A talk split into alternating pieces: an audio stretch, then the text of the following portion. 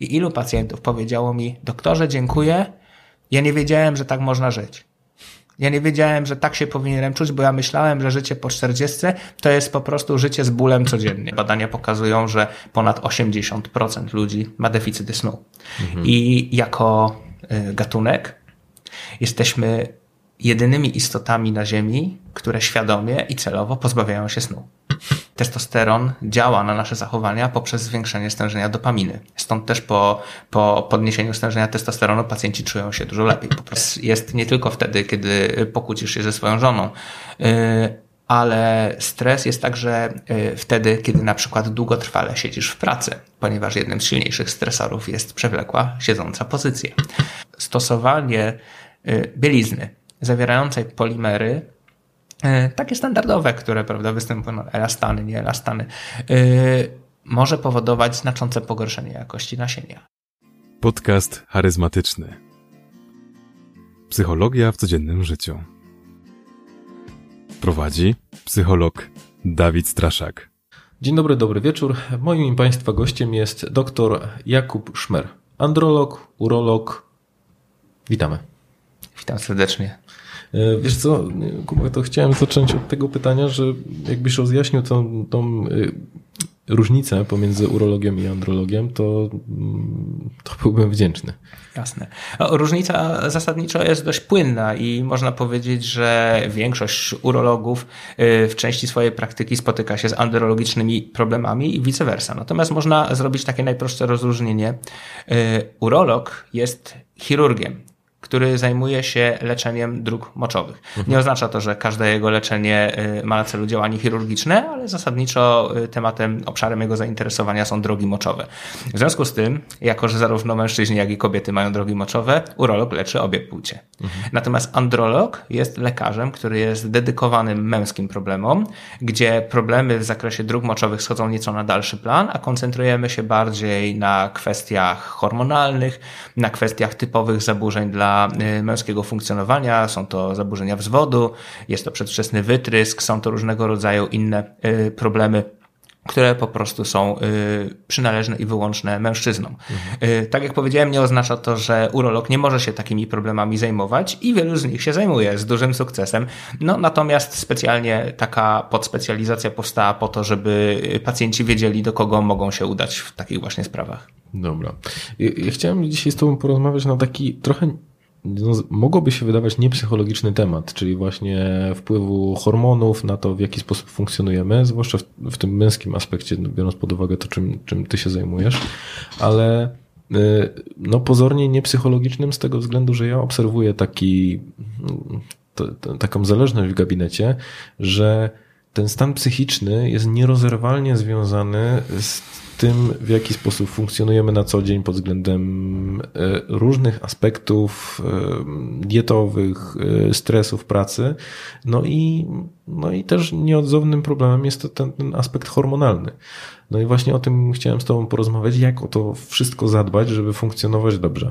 Pewnie. No i bardzo dobrze ten temat poruszyłeś, ponieważ Wydaje mi się, że powinniśmy zacząć od tego, że y, zdrowia ludzkiego nie da się poszatkować na kawałki, nie da się go traktować w kategorii zdrowie psychiczne i zdrowie fizyczne, tak? Czyli to słynne psyche i to fizis idą ze sobą ręka w rękę i kiedy jedno szwankuje, drugie zazwyczaj y, też nie działa najlepiej. W związku z tym można powiedzieć, że bardzo często, bo nie zawsze nie chcemy generalizować, ale bardzo często obraz naszej psychiki, tego jak się czujemy, jaki jest nasz nastrój, jakie jest nasze funkcjonowanie psychiczne, jest odzwierciedleniem y, optymalizowania naszych funkcji hormonalnych bądź też ich braku. W związku z tym, jeżeli wszystko działa sprawnie, to my czujemy się dobrze, prawda? Mhm. Czy organizm daje nam to odczuć, że wszystko jest ok i nasza mhm. psychika y, jest ok, funkcjonuje prawidłowo. W sytuacji, kiedy mamy różnego rodzaju zaburzenia hormonalne, to się zasadniczo prawie zawsze najpierw odbija na naszej psychice. Czujemy się gorzej, funkcjonujemy gorzej. Pojawiają się też różnego rodzaju problemy, które dodatkowo wpływają na nas niekorzystnie i w ten właśnie sposób jedno z drugim staje się totalnie nierozerwalne. I co prawda powiedziałem teraz o takich mechanizmach zewnętrznych, ale także mechanizmy na poziomie komórkowym, na poziomie biologicznym również są ze sobą y, całkowicie nierozerwalne. Także jedno bardzo silnie wpływa na drugie. No dobra, to z, z, z czym ty się spotykasz? To znaczy, co jest tak, przychodzą do ciebie ludzie i mówią, panie doktorze, mam problem z Ho, Zasadniczo z wieloma rzeczami. Natomiast y, bardzo często pacjenci przychodzą do mnie, już pozostając w Twojej działce, mówią, doktorze, po prostu źle się czuję. Mam bardzo kiepski nastrój, nic mi się nie chce, nie mam napędu do życia, do działania. Czuję, że wszystko przychodzi mi z trudem. Mówię o zebraniu się gdzieś na przykład na siłownię albo o realizacji swoich celów. Nawet najprostsze rzeczy stają się wielkim wyzwaniem. I to, co mówię, o, może bardzo przypominać pierwsze, pierwsze symptomy depresji. To w Mhm. zasadzie No, prawda, tak, takie typowe. depresyjne, nie? Jasne. I oczywiście y, tak, tylko pamiętajmy o tym, że to po prostu jest y, jak gdyby y, nazwa, którą przyporządkowaliśmy tym objawom. Natomiast te objawy pojawiają się w bardzo wielu różnych zespołach, bardzo wielu różnych problemach i moim zdaniem należy traktować je całkowicie nierozerwalnie, więc niezależnie od tego, jak je nazwiemy, prawda, to ja sobie myślę, ok, w porządku, to może być wszystko. To może być depresja, oczywiście, to mogą być zaburzenia neurotransmiterów mózgu, ale sprawdźmy hormony, zobaczmy, co się dzieje, zobaczmy, czy przypadkiem testosteron nie jest yy, obniżony, czy przypadkiem nie ma imbalansu między estradiolem a testosteronem, może prolaktyna jest za wysoko, może mamy problem z kortyzolem, który jest przewlekle podniesiony, a może mamy insulinooporność, która jest moim zdaniem jednym z głównych driverów takich dolegliwości. I co się okazuje? W 95% wszystkie te parametry, albo niektóre z nich są zaburzone. I kiedy zaczynamy pracować nad nimi, kiedy zaczynamy działać w tym temacie, optymalizujemy stężenia, poprawiamy testosteron, yy, poprawiamy balans między testosteronem a estradiolem. Pacjent nagle mówi, okej, doktorze, ja się czuję dużo lepiej, to jest zupełnie inna jakość życia. I moim zdaniem yy, bardzo często też jest tak, że yy, pacjent reaguje z pewnym opóźnieniem, jak gdyby, jeżeli chodzi o diagnostykę. Czyli większość pacjentów, kiedy czuje się źle, najpierw jednak szukają pomocy yy, u psychiatrów i psychologów. I uważam, że to jest bardzo dobrze.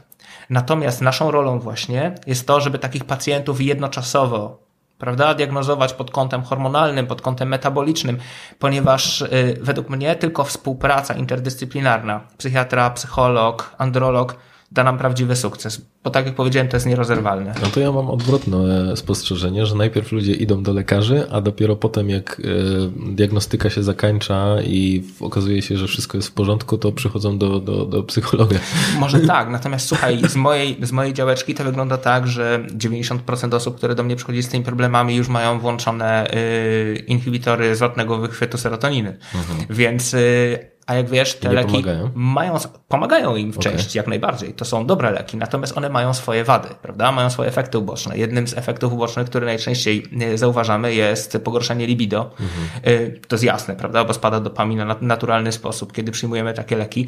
Y, No i co się dzieje? Zaostrzają się ich objawy związane z zaburzeniami funkcji seksualnych. I z jednej strony być może czują się nieco lepiej, ale z drugiej strony dobijają ich problemy, które czują. I dlatego, dopóki nie zoptymalizujemy także i kwestii hormonalnych, metabolicznych, no to pacjent nie będzie mógł w pełni skorzystać z dobrego efektu działania takiego leku. I co wtedy radziłbyś takim osobom, które mamy di- diagnostykę, czyli mówisz, ok, dobra, to sprawdzamy kilka tych rzeczy. E, No i co dalej? To znaczy, jak- jakie są kolejne kroki? Bo rozumiem, że wszystko zależy od parametru, który nie jest w normie, ale mm, zastanawiam się, czy też są jakieś uniwersalne rady, co można wdrażać, żeby no, wyregulować ten poziom hormonów. Pewnie, że tak. Y, W ogóle y, ja nie jestem wielkim miłośnikiem farmakoterapii. To trzeba od tego zacząć. I uważam, że zdrowie tkwi w lifestyle'u. To na pewno. Y, Co prawda, leczenie chorób często musi być związane z farmakoterapią, bo niektóre stany tak łatwo nie są odwracalne samymi prostymi zmianami stylu życia. Natomiast zachowanie zdrowia jest tylko i wyłącznie kwestią stylu życia. I w zasadzie na to, jako lekarze, jako w ogóle środowisko medyczne, powinniśmy kłaść yy, yy, największy nacisk, żeby informować ludzi, żeby edukować ich na temat właściwego stylu życia, żeby tych chorób po prostu nie było, żeby leczenia farmakologicznego było jak najmniej.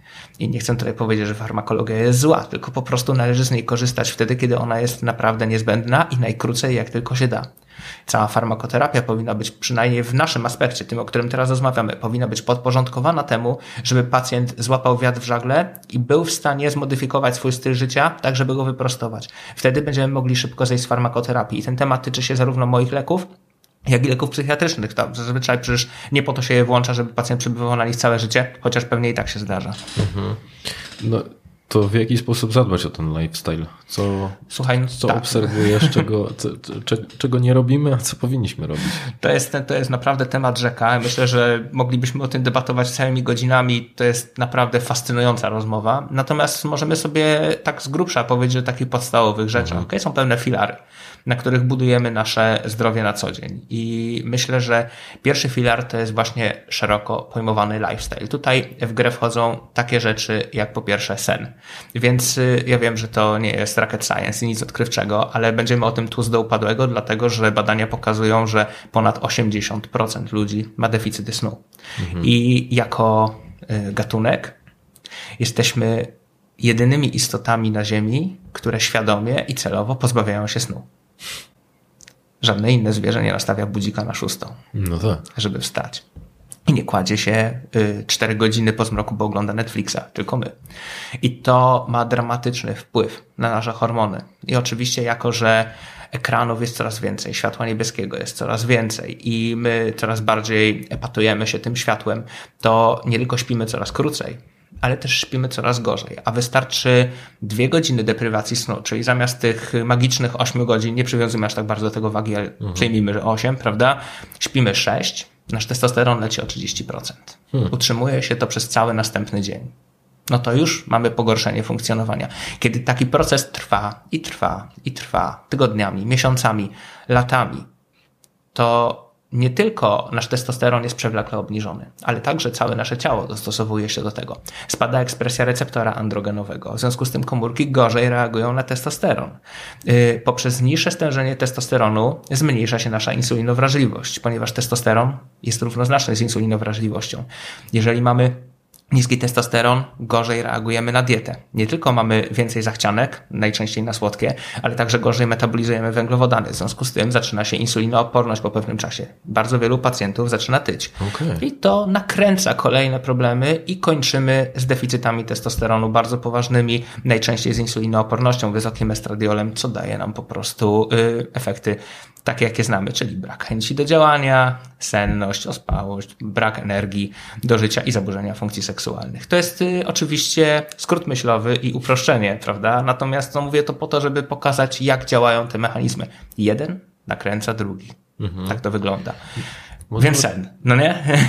To, to niby jest taka prosta rzecz, ale wiesz, no, badania jasno pokazują, że ta de- deprywacja snu wpływa na tak dużo obszarów pod względem koncentracji, rozpoznawania swoich emocji, emocji innych. To znaczy, że w ogóle źle interpretujemy to, jak, że ktoś się na nas spojrzał, jak jesteśmy niewyspani, to już interpretujemy to, no to chyba mnie nie lubi, e, gdzie dzień wcześniej po, po wyspaniu powiedzielibyśmy, a wszystko jest w porządku. Jasne, agresja i nerwowość. Wbrew temu, co obiegowo się myśli, agresja i nerwowość są pochodnymi niskiego stężenia testosteronu.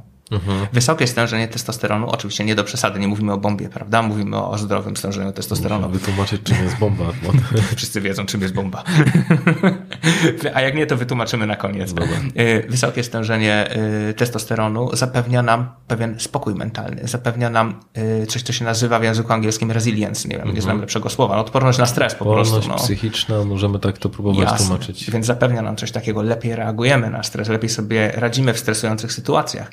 Więc y, nic dziwnego, że jak ten testosteron leży, to jesteśmy nerwowi nerwowo reagujemy na, na, na to, co widzimy na zewnątrz.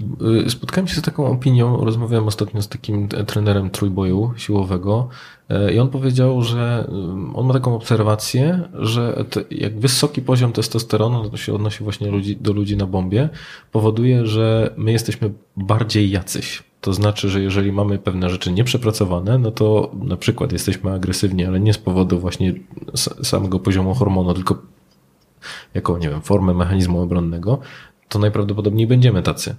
E, I chyba Huberman powiedział to w jakimś podcaście, że wysoki poziom testosteronu umożliwia ci stawanie się y, bardziej taką, jakby propaguje zachowania, które według ciebie dadzą ci wyższy poziom, y, wyższy status y, społeczny. Jasne, tak, jak najbardziej tak może być, a uważam, że takim driverem tych zachowań jest dopamina, ponieważ yy, myślę, że nie wszyscy wiedzą, że y, testosteron działa na nasze zachowania poprzez zwiększenie stężenia dopaminy. Stąd też po, po podniesieniu stężenia testosteronu pacjenci czują się dużo lepiej, po prostu czują się bardziej zmotywowani do, zmotywowani do działania, ponieważ to właśnie dopamina rośnie w, w mózgowiu, prawda, jest produkowana w większej ilości i to daje nam tego drive'a, no, jak gdyby dopamina jest tutaj czynnikiem kluczowym. Natomiast zachodzi też bardzo wiele różnych innych zmian i na poziomie komórkowym, i na poziomie genetycznym. Y, w ciągu 24 godzin zachodzą ekspresy różnych genów, jako że testosteron jest w ogóle hormonem sterydowym, więc działa bezpośrednio na jądro komórkowe i w zasadzie na transkrypcje genetyczne, no to tutaj można powiedzieć, że bardzo wiele genów jest, y, jest tworzonych i rzeczywiście wzmacniamy te zachowania, do których jesteśmy przystosowani. Także tak, to jest prawda. Żeby nikt nie pomyślał, że propagujemy tutaj e, niezdrowe stężenia testosteronu. Nie. E, jak najbardziej wystarczy nam nasze naturalne, prawidłowe stężenie testosteronu do tego, żebyśmy osiągnęli wszystkie te cele i byli zdrowi. Mhm. Inna sprawa, że standardowe, prawidłowe stężenie testosteronu dziś to nie to samo, co prawidłowe stężenie testosteronu 100 lat temu. No właśnie, spotkałem się z takim stwierdzeniem, że mamy testosteron, e, czy młodzi ludzie, czyli tam do, do 30 roku życia, mają poziom testosteronu e, obecnie taki, jaki mają, e, jaki mieli ich dziadkowie. Jasne, no tak właśnie jest i te badania y, pokazują sprawę bardzo jasno. Tych badań jest bardzo wiele, nie będziemy wszystkich przytaczać, ale one pokazują ewidentnie, że stężenie testosteronu w ciągu ostatnich 50-70 lat spadło o ponad połowę. No to jak bardzo poważna to jest, sprawa. Spadło, a jest w normie. Słuchaj, normy się y, ustala co kilkanaście lat w zależności od średniej populacyjnej. Wiesz, normy, dokładnie. Zasadzie. Normę robimy tak, że bierzemy sobie pewną grupę ludzi populacyjną, która jest zdrowa, tak? czyli teoretycznie odzwierciedla y, średnią, średnią populacyjną, badamy im stężenie testosteronu i modyfikujemy nasze wytyczne dokładnie pod to, y, pod, pod te wyniki. Więc można domniemywać, że gdyby Y, wszystkich ludzi potraktować jakąś substancją, która powoduje nagle obniżenie testosteronu o 90%, to za 10 lat normy byłyby powiedzmy 10 razy niższe i ktoś by się cieszył, że złapał się w normę. Czyli to jest tak, że powiedzmy, że mamy tam e, jakieś laboratorium badawcze, które ma wyniki badań wszystkich Polaków z, z ostatnich 15 lat i oni po prostu w przypadku osób zdrowych robią średnią i widełki od do, gdzie, gdzie jest ta norma. Wiesz to w uproszczony bardzo, sposób bardzo można tak powiedzieć. To nie tak oczywiście działa. Są pewne y, laboratoria y, statystyczne, y, analizujące dane prawda, z różnych, z różnych placówek medycznych, z różnych badań, na podstawie których ustala się te normy oczywiście. Natomiast tak, z grubsza tak to wygląda. Dlatego mhm. normy kilkadziesiąt lat temu były inne i normy teraz są inne. Tak samo sprawa się ma z jakością nasienia. Mhm. Tutaj też y, jeszcze kilkanaście lat temu norma dla prawidłowych morfologicznie plemników była 15%. W tym momencie norma to jest 4%, a dużej części moich pacjentów nie udaje się jej osiągnąć nawet. To są, wiesz, bardzo ewidentne rzeczy, które wskazują na to, jaki, jaki zaliczamy regres, jeżeli chodzi o ogólne zdrowie populacyjne. Natomiast jako, że y, ten regres następuje metodą salami, czyli po kawałeczku, po kawałeczku, bardzo powoli, to nikt tego nie zauważa mhm. i mało kto y, zwraca na to uwagę na tyle głośno, żeby ktoś chciał coś z tym zrobić. A prawda jest taka, że może jeszcze nie żyjemy krócej niż y, nasi rodzice, ale z pewnością spędzamy mniej lat w zdrowiu. Jest taki parametr. Y, ilość lat przeżytych w zdrowiu. Dokładnie, więcej, więc więcej, więcej lat chorujemy w przewlekłym wieku. E, w, przewlekłym, w, przepraszam, w podeszłym wieku. Nie? Mhm. Więc, więc więcej mamy chorób przewlekłych w podeszłym wieku i dłużej chorujemy. Z czego to wynika? Ze stylu życia oczywiście mhm. i z mhm. diety. To o tym jeszcze pogadamy. Natomiast y, to wszystko ma znaczenie tutaj. Cały, cała jak gdyby otoczka tego, w jaki sposób żyje się w XXI wieku, wpływa na to, jak nasze ciało na to reaguje. Mhm. Okay? Więc wracając do do tematu, prawda? Mieliśmy o tych filarach powiedzieć, to będzie nawiązanie. Dobra, jeżeli y, mógłbyś konkretne rady y, podpowiedzieć, jak o ten sen zadbać, no to Jasne. na co ty są byś takie, wskazywał? Są takie bardzo konkretne rady, to nie jest tajemnica, zawsze piszę o tym swoim pacjentom. Więc przede wszystkim starajmy się spać mniej więcej taką samą ilość czasu każdego dnia. Mhm. Rozumiem oczywiście, że to nie będzie taka sama ilość czasu dokładnie każdego dnia, ale starajmy no, się, żeby. przestali słuchać. starajmy się, żeby chodzić spać o podobnej godzinie mhm. i wstawać o podobnej godzinie. Dlaczego tak jest? Y, chodzi o rytmy dobowe. Rytmy dobowe to jest jedna z najważniejszych rzeczy, których powinniśmy słuchać, żeby optymalizować funkcjonowanie naszego organizmu. Rytmy dobowe decydują o na przykład o takich rzeczach, jak to w jaki sposób, y, jak skutecznie metabolizujemy y, pokarmy, w jaki sposób y, funkcjonujemy na poziomie psychicznym, w jaki sposób generujemy energię na co dzień i w jaki sposób wytwarzamy hormony. Prawie wszystkie hormony wytwarzane są w rytmach dobowych. I okazuje się, że każda każda rzecz, która wpływa na rytmy dobowe, jest w stanie w jakiś sposób wpłynąć na nasze zdrowie. Mhm. Więc sen nie jest tutaj wyjątkiem. Jeżeli regularnie zasypiamy i budzimy się o podobnej godzinie, nasze rytmy dobowe harmonizują się z naszym cyklem, prawda, snu i czuwania. W ten sposób o wiele łatwiej i lepiej nam jest spać, bo organizm dopasowuje stężenia hormonów, neurotransmiterów do tego procesu. Na przykład w odpowiednio wczesnym momencie podkręca produkcję melatoniny. To jest bardzo istotne. Ok, chociażby, chociażby ta, ta, jedna kwestia, więc regularność. Mhm. Druga, Czyli starać się mhm. nie robić tak, że no od poniedziałku do piątku to chodzę na, na 8 do roboty, więc tam wstaję o tej 6, 7, ale w weekendy śpię do 10, do 12, jakby odsypiając To tydzień. kuszące, tempting, ale kiepski pomysł. Mhm. Y, lepiej jest stawać codziennie o podobnej porze. I już y, nie chcę mówić, że to musi być o 5 y, rano, jak też należy do klubu o 5 rano, to spoko. Ja próbowałem, ale się wypisałem, teraz należy do klubu o 6. Mhm. Natomiast, żeby to było o podobnej godzinie. Dobra. Ok? Dobra, to jest pierwsza rzecz. Teraz druga rzecz, która się z tym w jakiś sposób wiąże, to jest y, ekspozycja na światło. I to też jest bardzo ważny temat, bo zanieczyszczenie światłem w dzisiejszym świecie, tak jak już o tym wspominaliśmy, jest gigantyczny, prawda? Mhm. Więc pierwsza moja rada dla pacjentów to jest y, śpi w ciemnej sypialni, nie wiem, w jaskini nietoperza, w grocie, wszystko jedno. Zamknij okna, y, zasłoń je szczelnie, tak żeby było ciemno. Dzięki temu twoja melatonina będzie w stanie działać. I to nieważne, że masz zamknięte oczy, to wciąż po prostu yy, ma znaczenie, czy śpisz w świetle, czy nie. Więc im ciemniej, tym lepiej. Tak samo im ciszej, tym lepiej po prostu.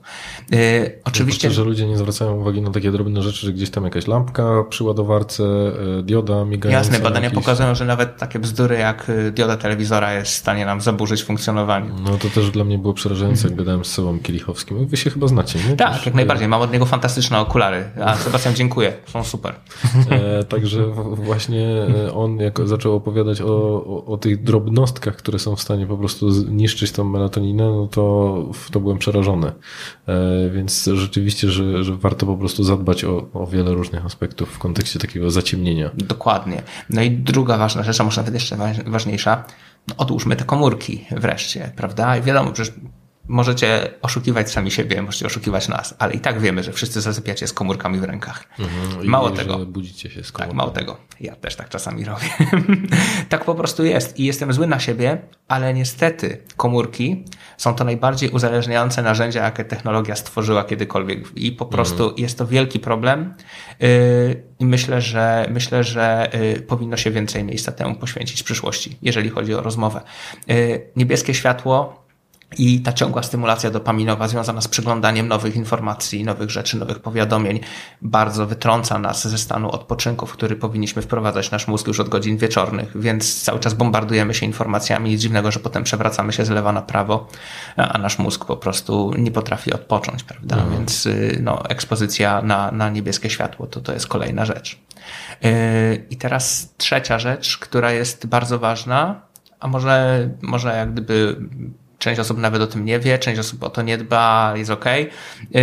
To jest temperatura w sypialni.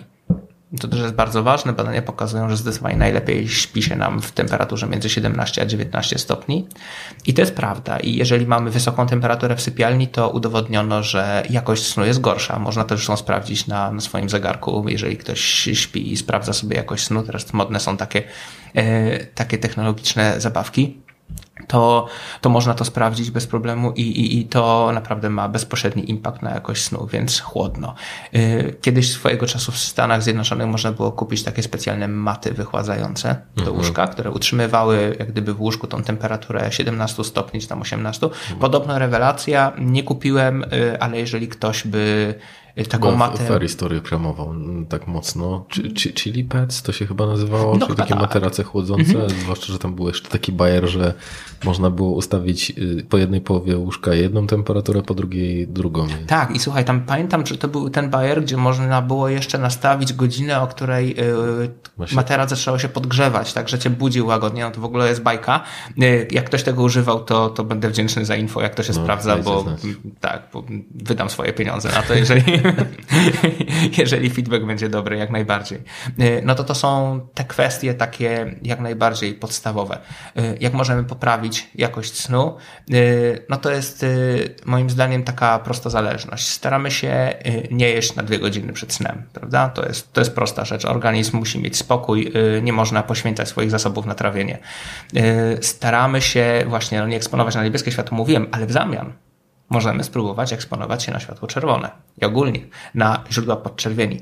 E, W badaniach pokazano, że jednym z najsilniejszych stymulatorów do wytwarzania melatoniny jest podczerwień. E, Dlaczego tak jest? Prawdopodobnie dlatego, że zachodzące słońce e, ma właśnie takie spektrum i patrzenie się w słońce albo bycie jak gdyby oświetlonym światłem właśnie takim o spektrum takie jak zachodzącego słońca daje nam potem dużo lepszy sen. Być może każdy zauważył tą zależność po ognisku w górach. Tam jest dużo podczerwieni, prawda? I, i zazwyczaj wiele osób mówi, kurczę, dużo lepiej mi się spało. No, fantastycznie się wyspałem po, po, po tej dymu. imprezie. Tak, też. od dymu, dokładnie, ale, ale, ale także od podczerwieni. Więc to też y, można zrobić. Wyciszamy się oczywiście, y, jeżeli ktoś ma problemy ze snem, to moim zdaniem powinien się zgłosić do specjalisty, bo impact na życie jest bardzo duży, to na pewno. I wiele jest przyczyn takich fizjologicznych zaburzeń snu, więc nie będziemy tu wszystkich roztrząsać. Zwłaszcza, że wiesz, nawet patrząc z tej perspektywy psychologicznej, kwestie zaburzeń snu są taką forpocztą do zaburzeń psychicznych. To znaczy, że często takim, no, może nie osiowym, ale m, dodatkowym kategorią diagnostyczną przy depresji jest właśnie problem ze spaniem. Nadmiarowe albo właśnie e, problemy z zaśnięciem.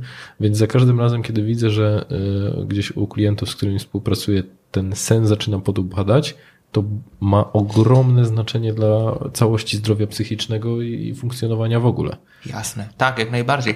I zobacz, że wy to widzicie, prawda, i pod kątem yy, psychiki. Ja to widzę pod kątem hormonalnym. To się wszystko ze sobą łączy. Nie ma rozróżnienia. No, tak jak powiedziałeś, że to ma bezpośredni wpływ na, na badania, czyli jesteś w stanie zobaczyć, jakby badając tą krew dzień po dniu, że, że, że następują tutaj zmiany. Jasne, dokładnie, dokładnie tak jest, więc, więc, to po prostu widać.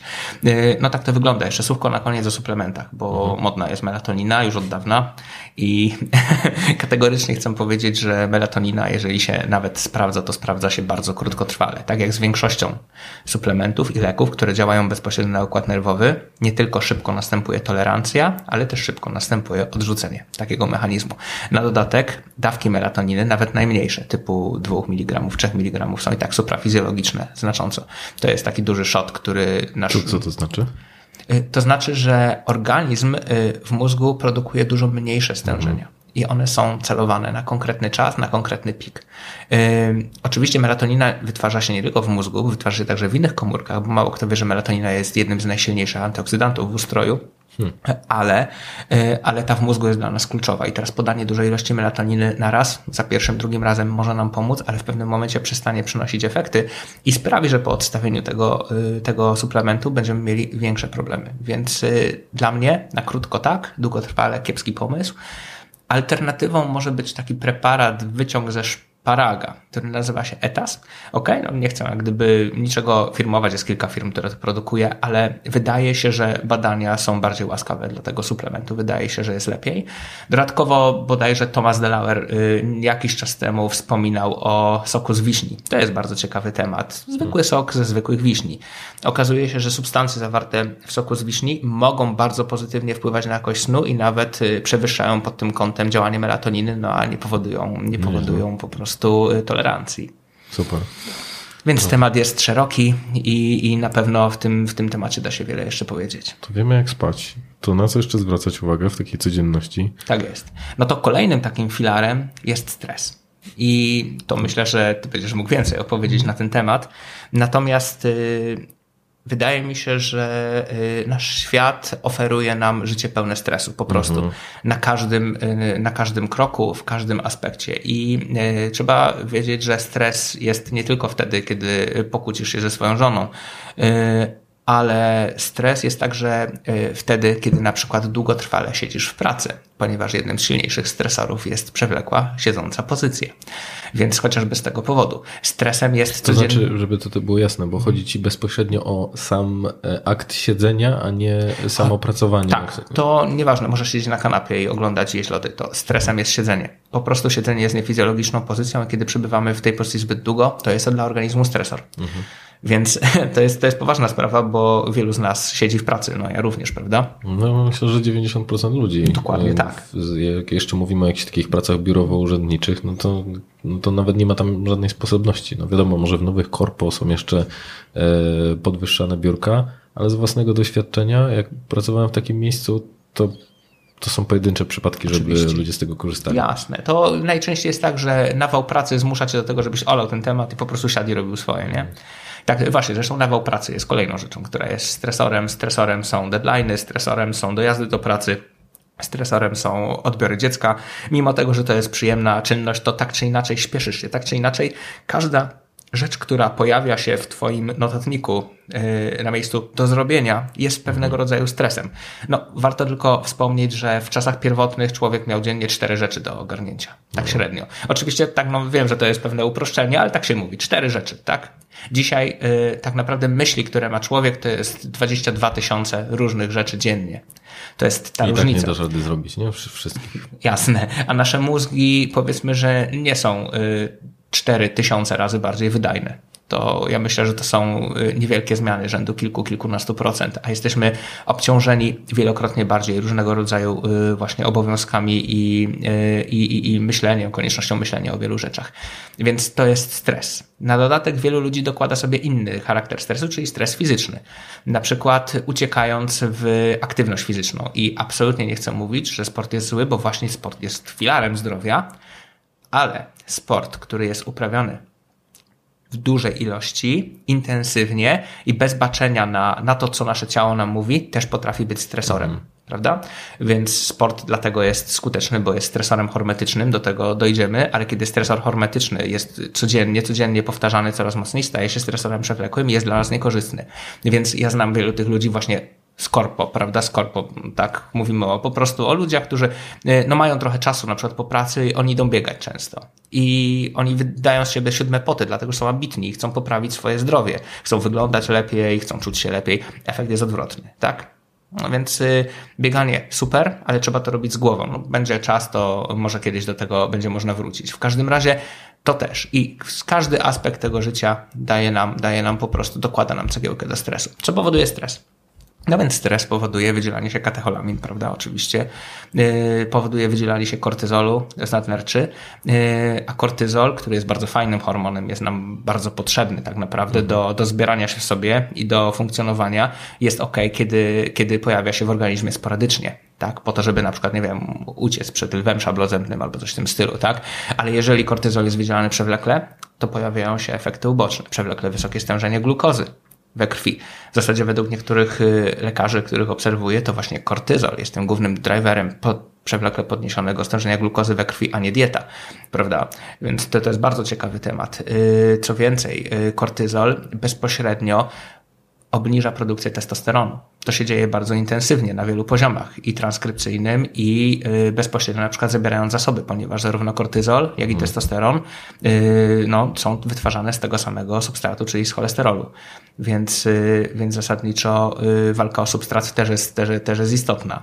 No i w efekcie dostajemy dokładnie te same efekty, o, czym, o których mówiliśmy poprzednio. Niski testosteron, no i cała kaskada z tym związana. Ciekawe, nie? Bo spójrz, że teraz tutaj mam taką interferencję czynników, czyli na przykład miałem bardzo stresujący dzień w pracy, wysoki poziom kortyzolu, no już tam za, załóżmy, że mówimy o albo bardzo ciężki tydzień w pracy, No czyli y, zaczynam też gorzej spać, Tak. nie dosypiam, tak jak Dokładnie, mówiłeś, stresuje się, testosteron spada o 30%, plus jeszcze nałożenie te, te, tego kortyzolu, e, który też go obniża, czyli no, stresujący Dokładnie. tydzień i nie, nie, stresujący i nieśpiący potrafi po prostu... Zobacz co, się, zobacz, co się dalej dzieje. Wysoki kortyzol, wysoko glukoza. Wysoko glukoza, wyżej insulina. Wyżej insulina, jeżeli to jest raz, dwa, pięć razy, nic się nie dzieje, to sobie poradzimy. Jeżeli to jest 100 razy pod rząd, no to w tym momencie wpadamy w insulinooporność.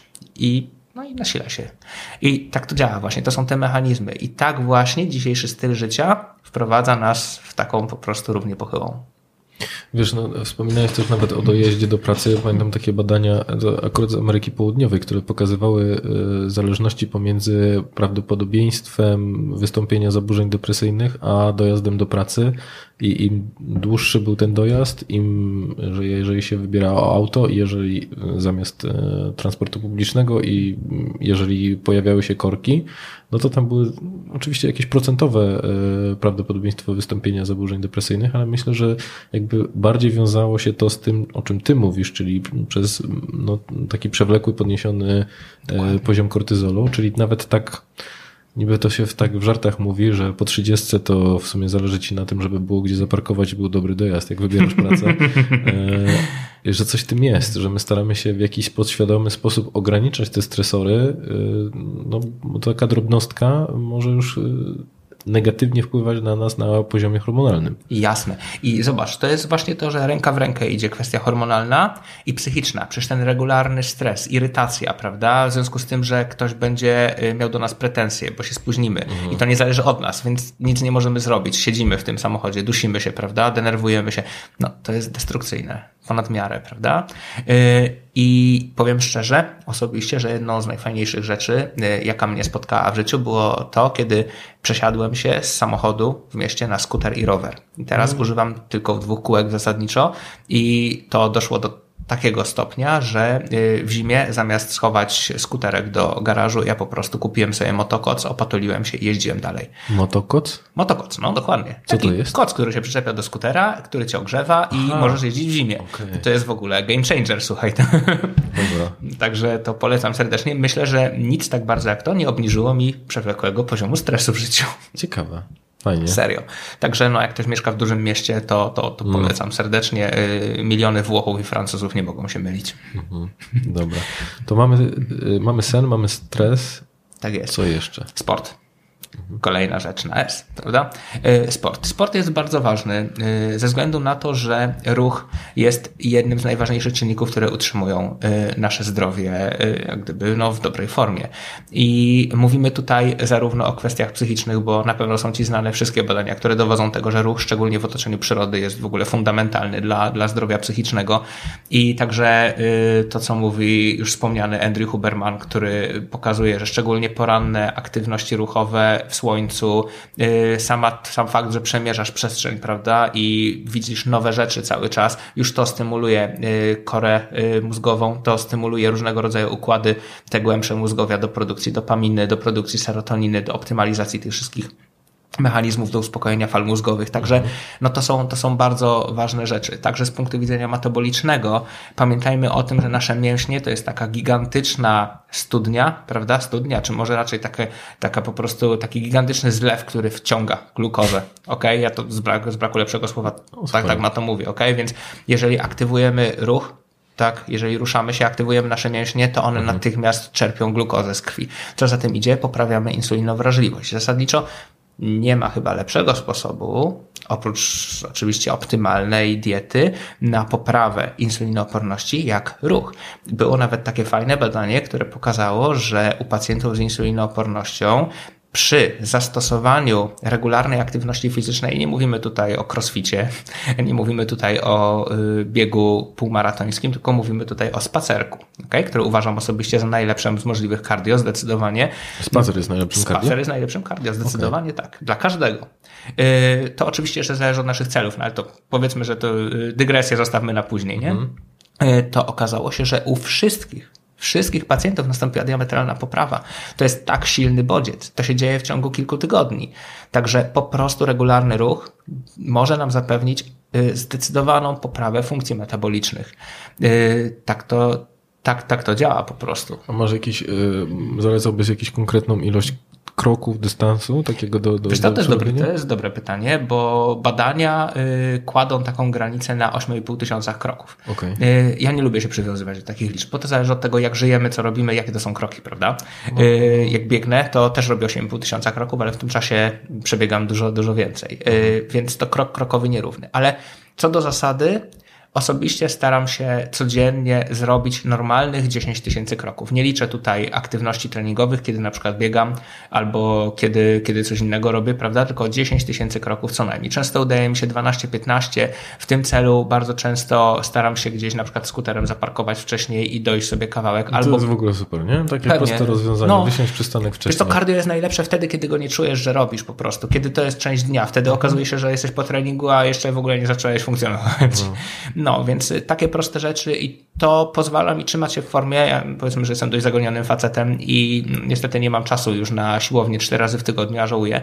Y, No więc robię co się da. I to jest patent, który pozwala mi gdzieś wpleść tą aktywność fizyczną regularnie y, w moje życie. To działa po prostu. Nie mówiąc już o tym, że poza kwestiami takimi jak wrażliwość insulinowa, prawda, co też się przekłada wprost na stężenie testosteronu, to już powiedziałem, że insulina, wrażliwość na insulinę równa się wysoki testosteron, y, no to jeszcze dodatkowo y, mówimy o takich rzeczach jak kwestia autofagii i mitofagii, czyli regeneracji tkanek y, organizmu.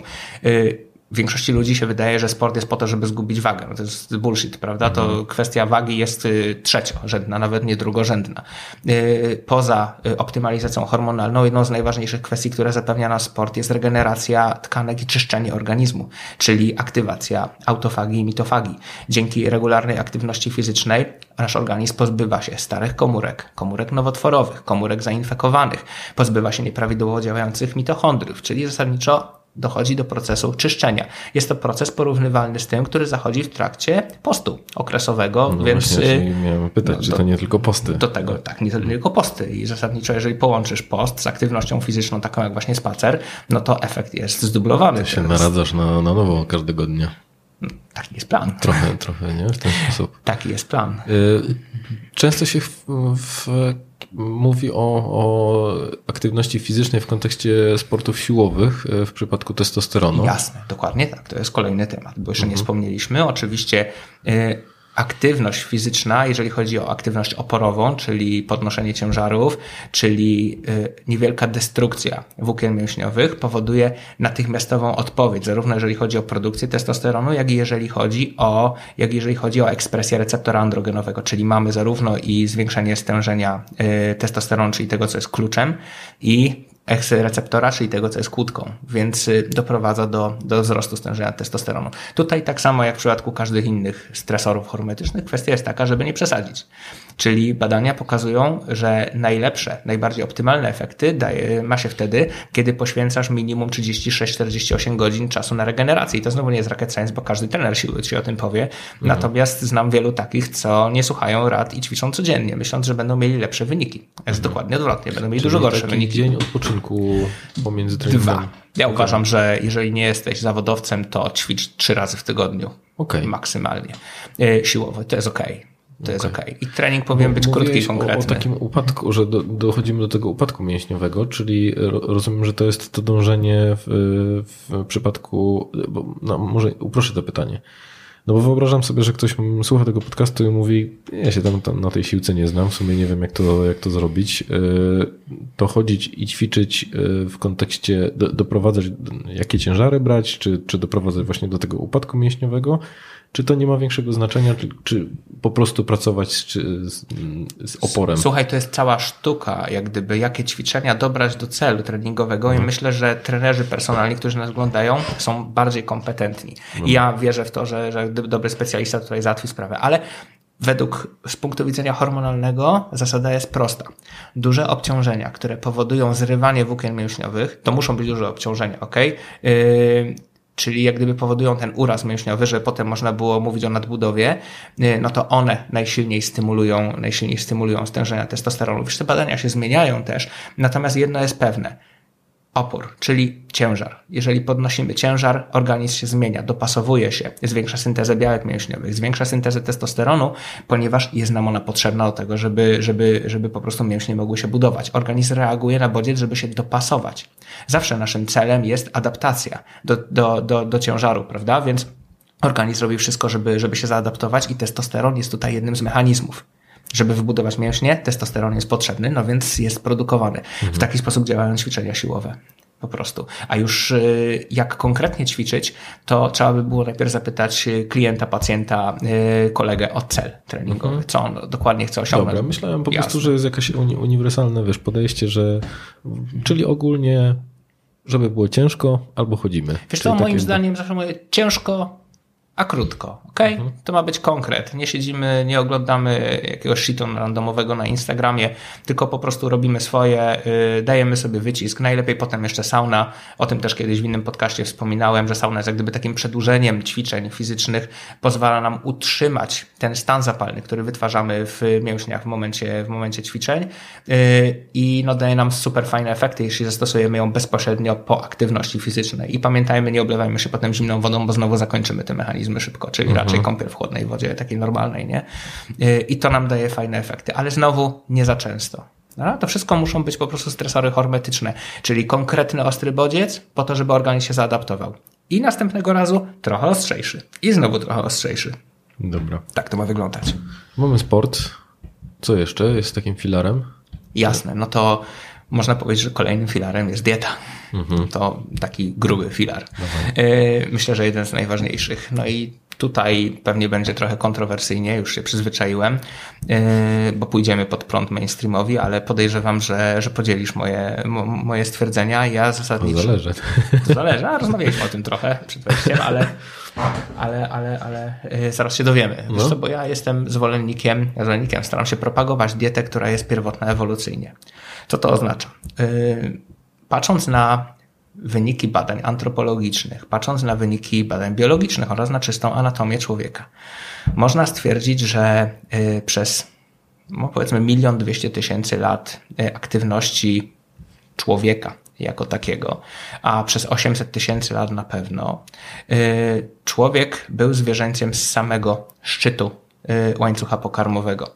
Był y, mięsożercą y, w zasadzie bardziej radykalnym niż nawet dzikie koty i badania datowania, y, prawda, i gdyby nie tyle datowania, co powiedzmy badania izotopowe wskazują na to, te kości, które znaleziono, wskazują na to, że spożywaliśmy od 70 do 90% diety w postaci mięsa i tłuszczu zwierzęcego.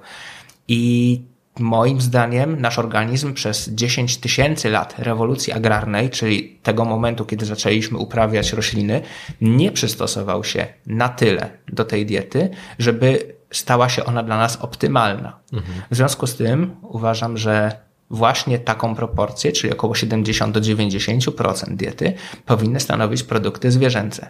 Mięso, tłuszcz, podroby, jajka. To jest to, co jedliśmy i to jest to, co daje nam siłę.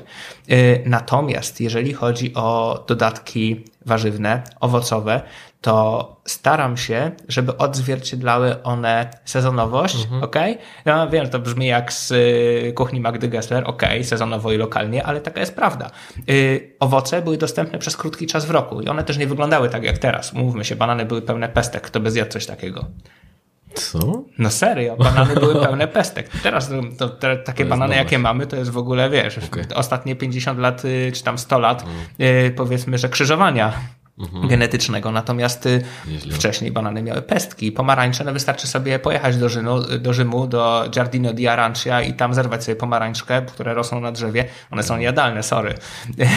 Także to, to nie wyglądało tak jak, tak jak teraz. I, I to też i, czuć w smaku, nie? Tych jasne. Owoców, że... Teraz to jest wypakowane po prostu węglowodanami, słodziutkie, pyszne, y, kuszące. Wtedy tak nie wyglądało.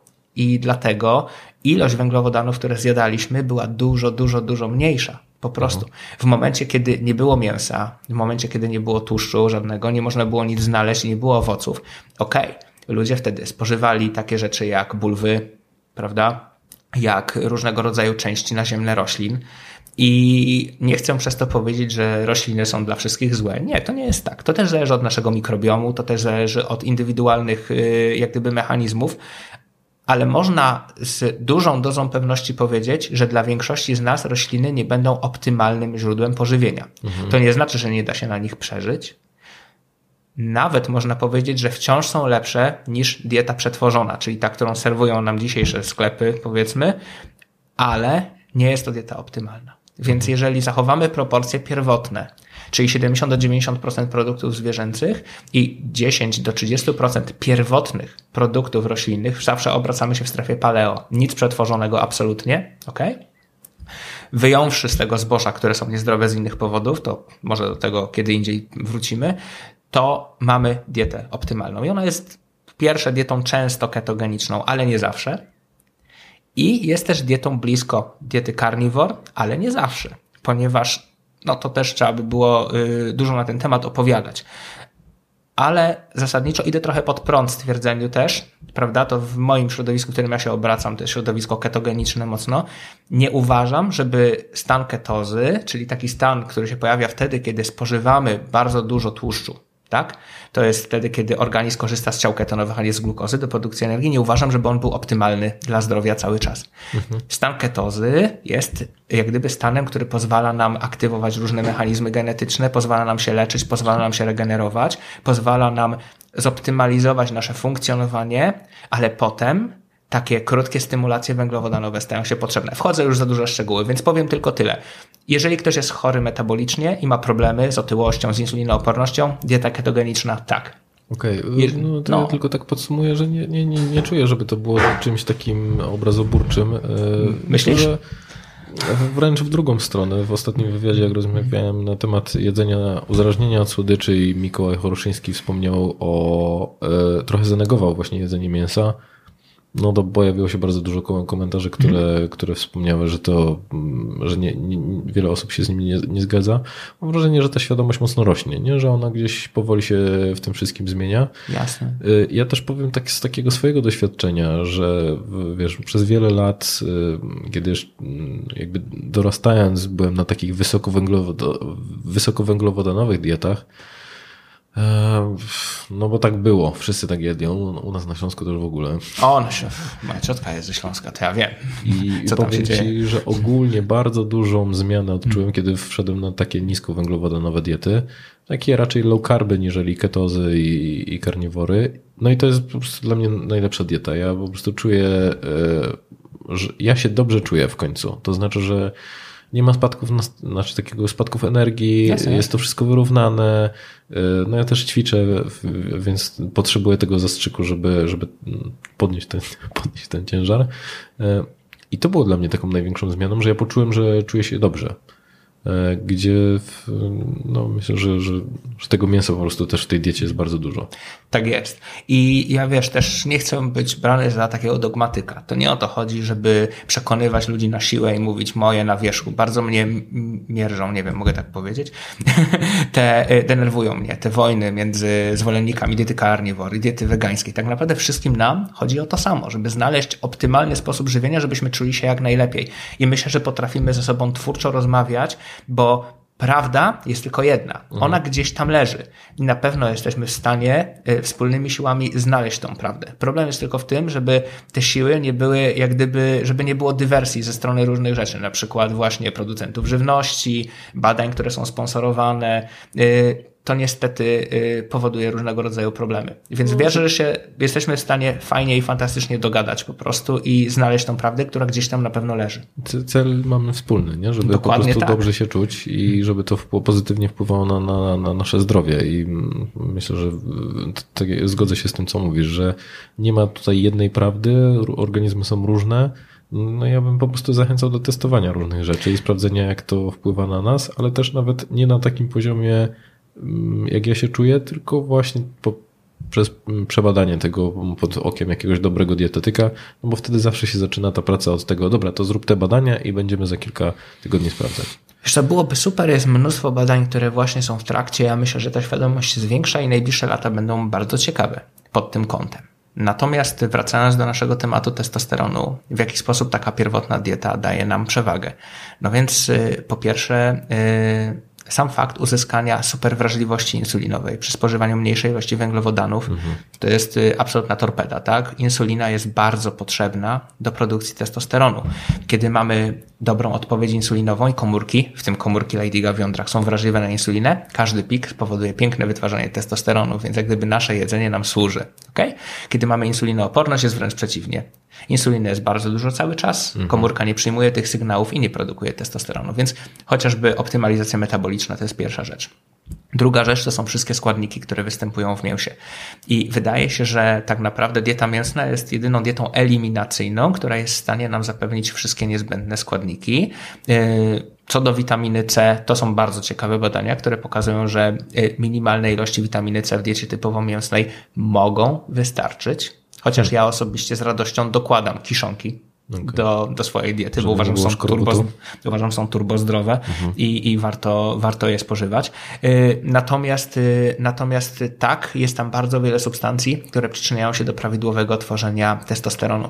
Więc rzeczy takie jak... Żebym dobrze zrozumiał, bo mówisz o tym, że to jest jedna z diet y, eliminacyjnych, to znaczy, że powiedzmy, że mm, produkty mięsne są w pełni wartościowe i dostarczają nam wszystkich niezbędnych składników. Tak, dokładnie tak. Okay. Oczywiście y, musimy mądrze wybierać. Pamiętajmy o tym, że y, szynka za 20 zł za kilogram to nie jest pełnowartościowy produkt mięsny. Nie To jest przetworzony produkt, którego chcemy unikać. Natomiast dobrej jakości mięso szczególnie na przykład wołowina, tak, grassfed, tak słynna. Oczywiście to nie jest najważniejsze. Wołowina ogólnie jest dobrym wyborem, wołowina grassfed jest optymalnym wyborem ze względu na zawartość kwasów omega-3, więc to jest inna sprawa. Natomiast tak, to nam pozwoli funkcjonować. I mamy też tam mnóstwo takich substancji jak tauryna, jak karnozyna, jak karnityna, jak witamina B12, yy, yy, jak cholina w jajkach na przykład. To są wszystko substancje, bez których my nie możemy funkcjonować, jeżeli mhm. chodzi o kwestię testosteronu. A teraz Zobacz, yy, mózg składa się w bardzo dużej części z cholesterolu właśnie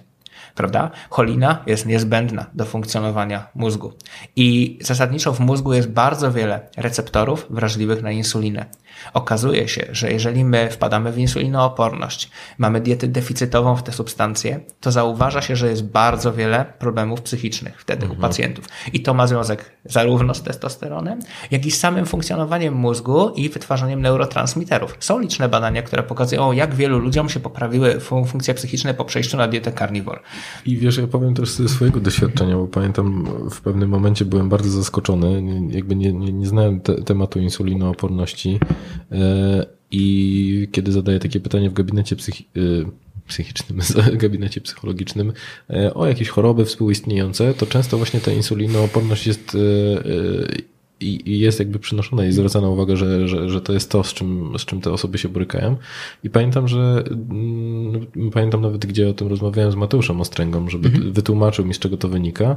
Dla mnie to było zaskakujące, jak, e, jaka to jest korelacja, takie współwystępowanie tych, e, tych dwóch rzeczy i to się po raz kolejny pokrywa jakby w tym, o czym ty mówisz. No dokładnie, nie sądzę, żeby to był przypadek, mhm. prawda?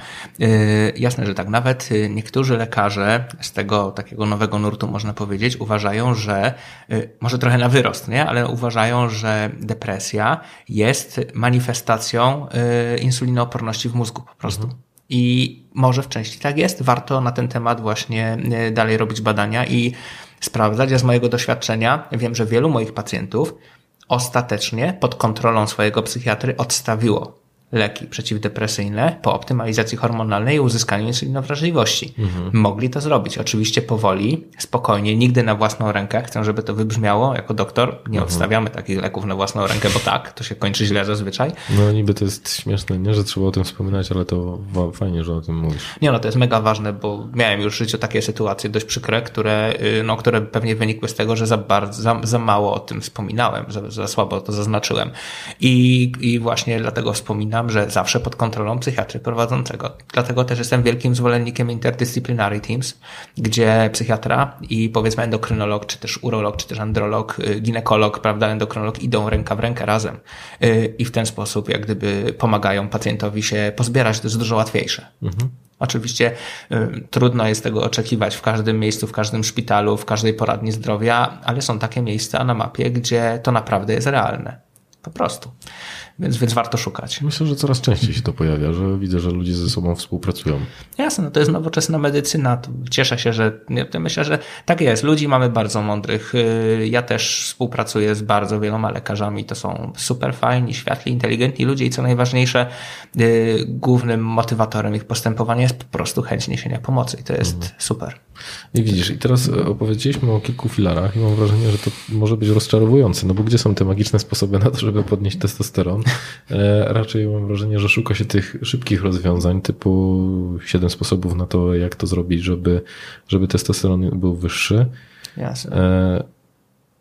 Czy coś jeszcze byś dorzucił do tego? Wiesz co, no poza tym, że kończąc jeszcze temat diety, chciałem mhm, powiedzieć, jasne. że bo jest jeszcze jeden temat, który tutaj musimy powiedzieć, to jest temat tego tłuszczu nasyconego nieszczęsnego, który jest od 70 lat odsądzany od czci i wiary, a jest jednocześnie kluczowym jak gdyby składnikiem w diecie ludzkiej. Y, wydaje się, że on nie tylko pomaga nam czuć się sytymi i metaboli metabolicznie optymalizować nasze funkcjonowanie w mitochondriach, no ale też przede wszystkim pozwala nam dostarczyć do organizmu cholesterol, który jest, jakby nie było, szkieletem wszystkich hormonów sterydowych, w tym też testosteronu. I to jest ewidentnie widoczne, że stężenie cholesterolu koreluje ze stężeniem y, testosteronu w pewien sposób. Jeżeli mhm. mamy pacjentów z bardzo niskim stężeniem cholesterolu, to ich testosteron bardzo często nie domaga. Nie zawsze tak jest, bo to zależy od wielu rzeczy, ale bardzo często nie domaga. I dlatego też uważam, że cholesterol jest ważnym elementem diety. Cholesterol sam w sobie nie powoduje chorób serca. Natomiast odbieranie pacjentom cholesterolu, po prostu możliwości spożywania cholesterolu jest dla nich szkodliwe. Już dość tylko pokazać badania, które pokazują, że w starszym wieku stężenie cholesterolu odwrotnie koreluje ze y, śmiertelnością, czyli im niższe stężenie cholesterolu na starość, tym wyższe ryzyko zgonu ze wszystkich przyczyn. Mm, to I o tym mówią kar... bardzo duże nieporozumienie. O tym mówią kardiolodzy w Stanach Zjednoczonych, nawet y, American Heart Association wycofało się już z zaleceń dotyczących tłuszczu nasyconego, co prawda po cichu dało drapaka stamtąd, mhm. żeby nikt przypadkiem się nie dowiedział, powiedział, ale tak jest, bo nie mogą już nie zwracać dużej uwagi na fakty. Także, yy, także tak, tłuszcz nasycony jest ważny. Już nie mówiąc o tym, że spożywanie tłuszczu nasyconego zwiększa bezpośrednio ekspresję receptora androgenowego, czyli pozwala nam lepiej korzystać z testosteronu. Ok, więc to tyle kończąc temat diety. Także dieta mhm. pierwotna ewolucyjnie, po prostu. Yy, I co jeszcze? Yy, oczywiście mamy różne możliwości optymalizacji tych wszystkich procesów, takie jak na przykład korzystanie z postu okresowego, który działa bardzo fajnie. Post okresowy może wytłumaczymy tak w ciągu dwóch, trzech zdań. Post okresowy to jest yy, takie narzędzie, które jak gdyby polega na tym, że spożywamy wszystkie swoje posiłki w pewnym określonym przedziale godzinowym w ciągu dnia, bądź też pościmy przez określoną ilość czasu. Zazwyczaj jest to dzień albo dwa dni maksymalnie. Tak, to dłuższe posty są rzadkością. Najczęściej jednak pacjenci robią tak, że po prostu spożywają swoje posiłki w określonym czasie w ciągu dnia. Najczęściej jest to kilka godzin między czterema, sześcioma, ośmioma godzinami. Ja na przykład staram się jeść swoje posiłki w ciągu pięciu godzin w ciągu dnia i od powiedzmy tej 13, 14 staram się już więcej nie jeść. Jakie to... rano. Rano, dokładnie tak. Tak, są różne metody postu. Jedni jedzą wieczorami, drudzy jedzą rano i no tutaj... Słyszałem, tak, mhm. chyba Seba Kilichowski bardzo dużo o tym mówi, że, że najgorszą formą tego postu przerywanego jest niejedzenie rano. Ja tak uważam. Są, y, przyznaję, że są na ten temat bardzo różne, y, bardzo różne opinie, także mhm. na przykład takich autorytetów dla mnie jak dr Robert Sipes, on na przykład uważa inaczej, no ale ja osobiście tutaj się z nim nie zgadzam i uważam, że rzeczywiście powinno się jeść rano. Dlatego, że wspomniałem na, na temat y, na temat rytmów dobowych. Mhm. I jedzenie rano jest zgodne z naszymi rytmami dobowymi. My lepiej metabolizujemy produkty, szczególnie węglowodany, lepiej metabolizujemy rano i więcej wyciągamy z tego jedzenia, jeżeli zaczynamy jeść rano i kończymy wcześniej. Yy, wtedy nasze rytmy dobowe się normalizują, harmonizują, lepiej śpimy, lepiej funkcjonujemy, to się przekłada na stężenia hormonów, na pewno. Te badania są. To nie jest tak, że to jest mechanistyczne yy, wymyślanie, jak to może działać. Są badania, które pokazują, że ETRF, czyli ten Early Restricted Time Feeding, czyli okno rano, jest lepsze niż okno wieczorem. Wciąż okno wieczorem ma sporo benefitów, ale jeżeli mamy wybierać i możemy, to rano jest lepiej. I teraz yy, co do testosteronu. Jeżeli rzeczywiście kończymy jeść powiedzmy o tej godzinie 13, 14, 15 i idziemy spać już na głodnego, mhm. to po około 18-19 godzinach postu, kiedy my wstajemy o tej 7, powiedzmy 8 godzinie, to y, mamy coś takiego jak naturalny wyrzut hormonu wzrostu w godzinach porannych. I ten wyrzut potrafi być nawet 30 razy silniejszy, kiedy jesteśmy w poście. Ok, a to się bezpośrednio, bardzo silnie przekłada na stężenie testosteronu. Każdy użytkownik sterydów anabolicznych może nam to powiedzieć, że nic tak bardzo jak hormon wzrostu mu nie pomaga. Ok? Chociaż ja nie popieram, ale możemy mieć ten hormon wzrostu fizjologicznie, zdrowo, naturalnie. Wystarczy pościć. Okej. Powiedz, Okej. nie? Jakie to jest proste, a, a mi się to kojarzy właśnie, cały czas wracam z, z takimi prawdami czy naukami e, wiesz, babci, na zasadzie to nie możesz nie jeść śnia- śniadanie, nie? Czyli ważne jest to, żebyś cały czas był, e, był najedzony, e, żeby nie, nie robić sobie takich przerw. Tak, wiele razy o tym słyszałem, że rodzica, rodzina mówi, no im będziesz dłużej głodny, tym będziesz się gorzej czuł. No tak jest tylko wtedy, kiedy jesteśmy, funkcjonujemy wiecznie na glukozie, mamy spadki, bo jesteśmy insulinooporni, wtedy już po dwóch godzinach stanie, że czujemy się źle, więc Mhm. zapychamy się kolejnymi produktami, ale to jest koło po prostu błędne i nie prowadzi do niczego dobrego. Mhm. Właśnie należy robić odwrotnie. Okay? Więc taki prosty mechanizm jak post przerywany już nam bardzo wiele da. Okay? Co jeszcze można by było zrobić? No, yy, zasadniczo wszyscy mnie zawsze pytają o suplementację. To jest temat istotny, każdy chciałby znaleźć magiczną pigułkę. No, jasne jest, że tej magicznej pigułki nie ma. Są rzeczy, które mogą nam pomóc. I kiedy ja y, układam suplementację moich pacjentów, staram się na początek zadbać o te naj, naj, najważniejsze rzeczy, czyli bardziej uzupełnienie tych mikroelementów, których może być niedobór, bo to najczęściej wystarcza w zupełności. I to są takie rzeczy jak cynk, jak selen, jak magnez, jak witaminy z grupy B, prawda? Czyli nic odkrywczego w sumie. D? Jak najbardziej witamina D też, oczywiście. No, najlepiej jest, kiedy witaminę D czerpiemy z naturalnych źródeł, czyli wystawiamy się o, o, o, o słońcu, jeszcze nie powiedzieliśmy to zaraz. Wystawiamy się na słońce, prawda? Yy, spożywamy dobrej jakości pierwotnie ewolucyjną żywność, czyli na przykład yy, dzikie ryby. Yy, Albo na przykład, prawda, yy, dobrej jakości wołowinę. Tam też niewielkiej ilości znajdziemy. Także y, są takie możliwości, natomiast y, czasami suplementacja jest niezbędna, szczególnie na tej szerokości geograficznej. Y, co za tym, e, właśnie zresztą, y, co do witaminy D, to też jest bardzo ważny temat, bo bardzo mało osób wie, że witamina D w przypadku insulinooporności jest w ogóle bezsensowna, tak naprawdę jej suplementacja nic nie daje. Więc, żeby, no właśnie, więc często jest tak, że widać, że pacjent jest insulinooporny on ma bardzo duży deficyt witaminy D. To dlatego, że zaburzeniu ulega produkcja, ale także i działanie witaminy D na receptory. Witamina D jest hormonem, to nie jest witamina, tak naprawdę można powiedzieć. Y, Więc dopiero kiedy jednocześnie z suplementacją witaminy D dbamy o eliminację insulinooporności, dopiero wtedy ona zaczyna działać tak, jak chcemy i rzeczywiście może spowodować poprawę, ok?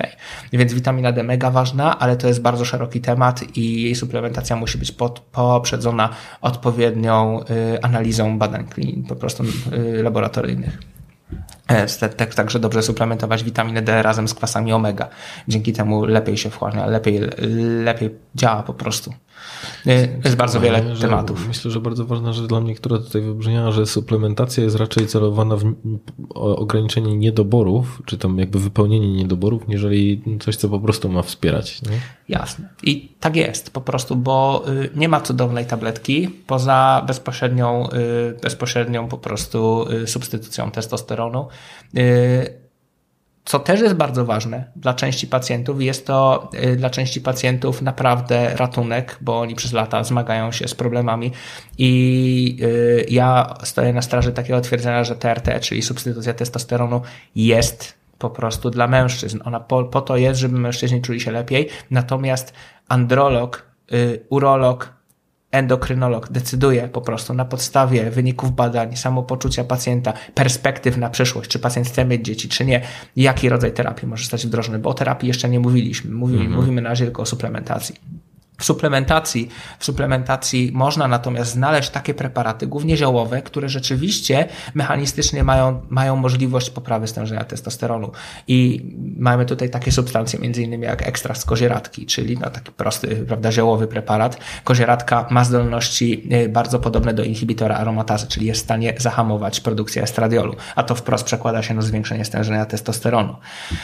Takie rzeczy jak na przykład y, preparat ziołowy, który nazywa się Tonkat Ali, prawda? To jest znany temat. Y, ja osobiście no nie mam jakiegoś rewelacyjnego zdania. To też zależy jaki to jest Tonkat, bo Tonkatów jest mnóstwo, a ten, na którym robiono badania jest tylko jeden. Nie podam nazwy, bo bo nie reklamujemy niczego. Mhm. Zresztą i tak nie da się go dostać w Polsce tak łatwo. Chyba jest tylko jeden, nie? Jakiś ze Swansona, taki polski, jak kojarzę. E, to Pols polski może tak, ale ten, na którym robiono badania, właśnie nie jest z Polski no. i dlatego, i dlatego y, te efekty mogą nie być takie optymalne. Po prostu to naprawdę się różni. Tym bardziej, że nie ma kontroli nad rynkiem suplementów takim dokładnym. To może Klasyka, być wszystko, nie? jakość może być dowolna, możemy trafić super a możemy totalnie wtopić i, i nie mieć żadnych efektów i każdy tylko rozłoży ręce i powie, no, trudno, to suplement? Efektów, to, to, to nie jest źle, ale jeżeli to będzie miało jakieś negatywne skutki, Jasne. no bo nigdy nie wiadomo, co tam jest. Jasne, dokładnie tak.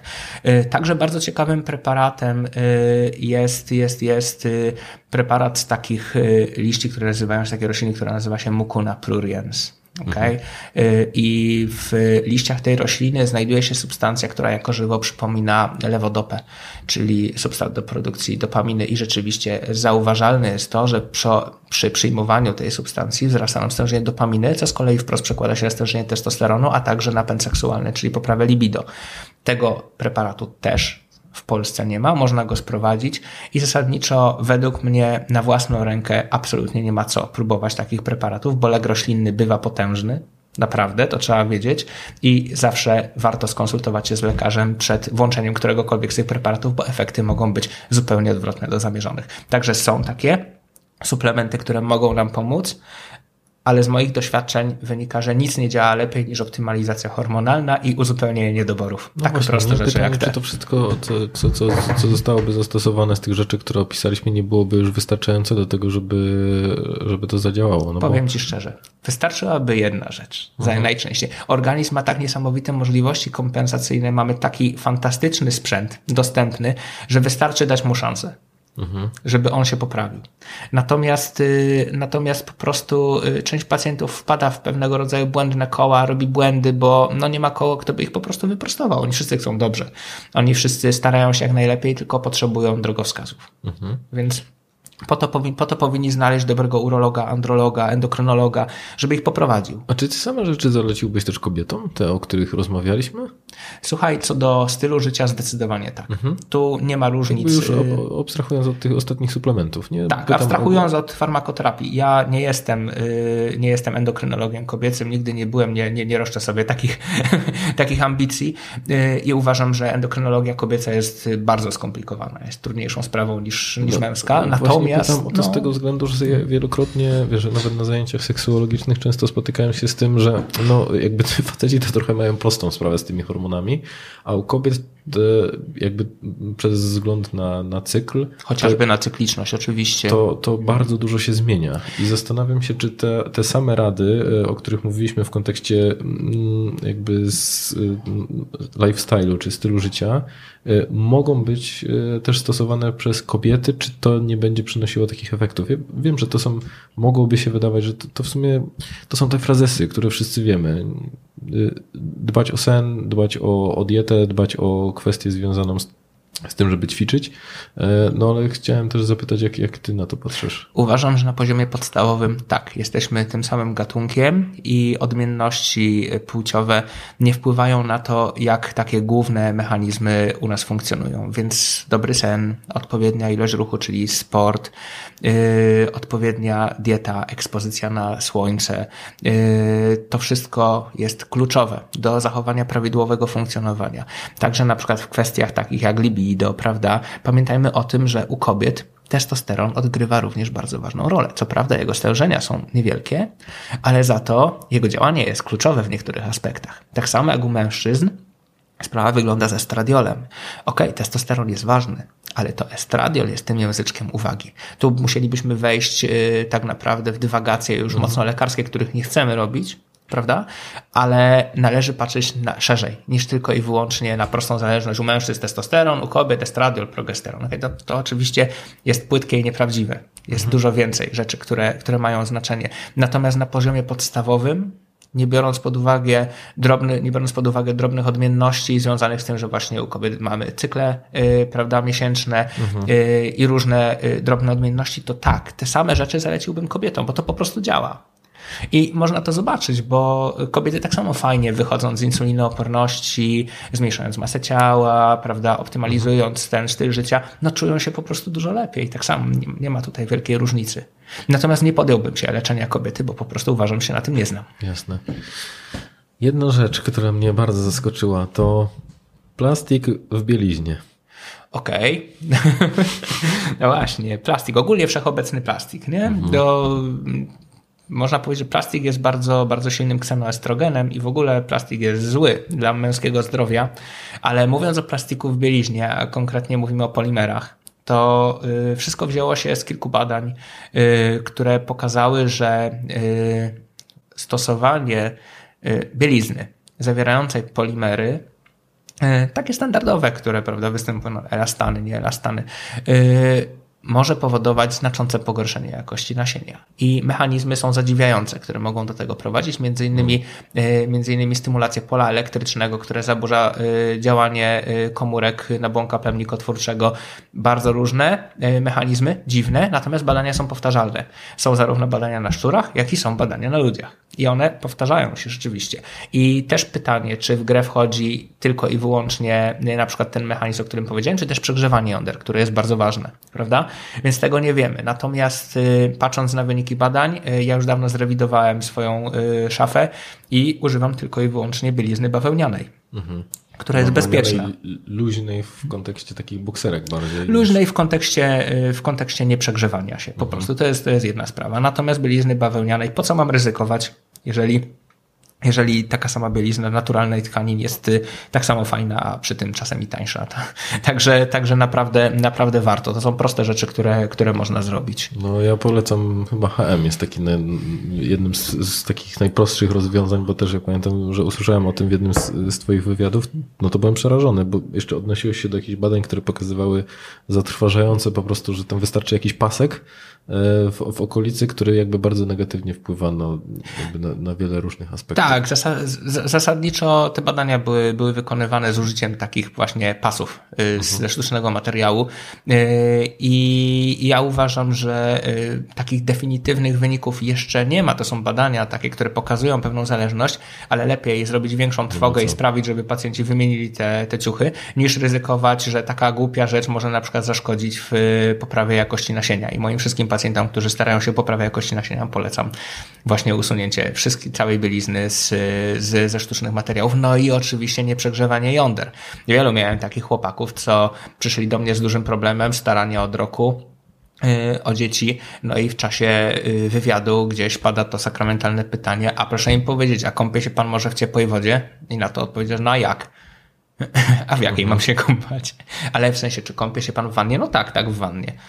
No i prosta eliminacja takiego mechanizmu, przegrzewania jąder prowadzi do tego, że często nasienie się poprawia. A to, to są... oni się codziennie kąpali? No, co kilka dni, ale to wystarczy. Okay. Jednorazowa ekspozycja na wysoką temperaturę może pogorszyć jakość nasienia nawet na 60 dni.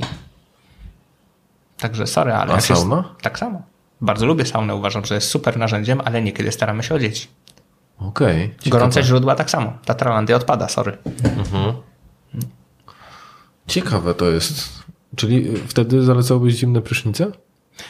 Tak robię u moich pacjentów. Zalecam im zimne prysznice, a jeżeli w ogóle z wielu powodów, bo ekspozycja mhm. na zimno też stymuluje produkcję testosteronu, poprawia jakość nasienia, poprawia ilość plemniku ze względu na to, że jest to czynnik hormetyczny, więc poprawiamy funkcje mitochondrialne. Jest wiele bardzo tematów. No tam jest te, te zimne prysznice, to, to, to jest, jest, ulub... magia, to jest ulubione zalecenie moich pacjentów. Cały protokół dopaminowy Hubermana to jest ulubione zalecenie moich pacjentów, więc masz zimne prysznic i ekspozycja na promienie słoneczne i to daje ci takiego kopa, że wiesz, 10 kawi kreska kokainy tego nie da na pewno pewno mhm. po prostu. Nie wiem, nie próbowałem, ale zasadniczo tak podejrzewam. Super rzecz. Nie, to niesamowite, jak, jak, to jest. I popatrz, że to są proste rozwiązania, e, tak naprawdę, że nie szukamy tutaj niczego magicznego, że tak naprawdę to jest to, co e, gdzieś kojarzę taką, m, mm, taką historię u mnie w rodzinie, że dziadek to codziennie rano biał, brał wiadro wody ze studni, się nim oblewał i tak rozpoczynał no dzień. i klasa. I myślę, że to jest właśnie taki trochę zimny prysznic. Dokładnie tak.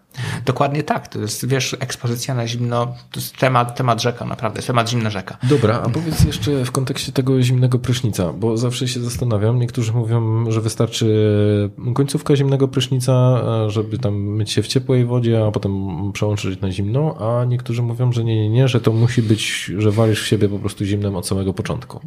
Jakie ty masz zdanie? Wiesz co, y, po pierwsze powoli. Y, zazwyczaj pacjenci, którzy idą na żywioł i wskakują bez przygotowania do zimnej wody, kończą z infekcją pęcherza i potem widzimy się z innego powodu.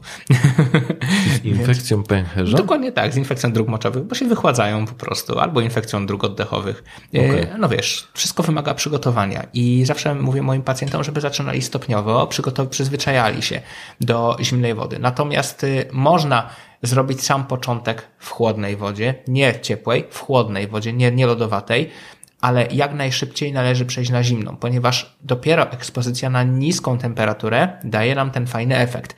Jeżeli tylko zmoczymy się na koniec zimną wodą, to może przyjdzie na nas orzeźwienie, może będziemy czuli się trochę, trochę bardziej, yy, trochę bardziej, prawda, tak ogarnięci, Będziemy mieli troszkę więcej energii przez chwilę, ale efektów na poziomie komórkowym absolutnie nie doświadczymy. Mhm.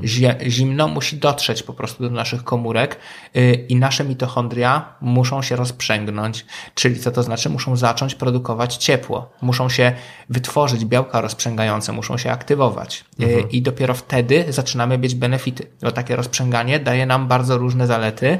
Yy, przede wszystkim wspomaga pracę naszych mitochondrów i sprawia, że produkujemy mniej wolnych rodników, ponieważ cały ten łańcuch elektronów w mitochondriach jest wykorzystywany też na produkcję ciepła.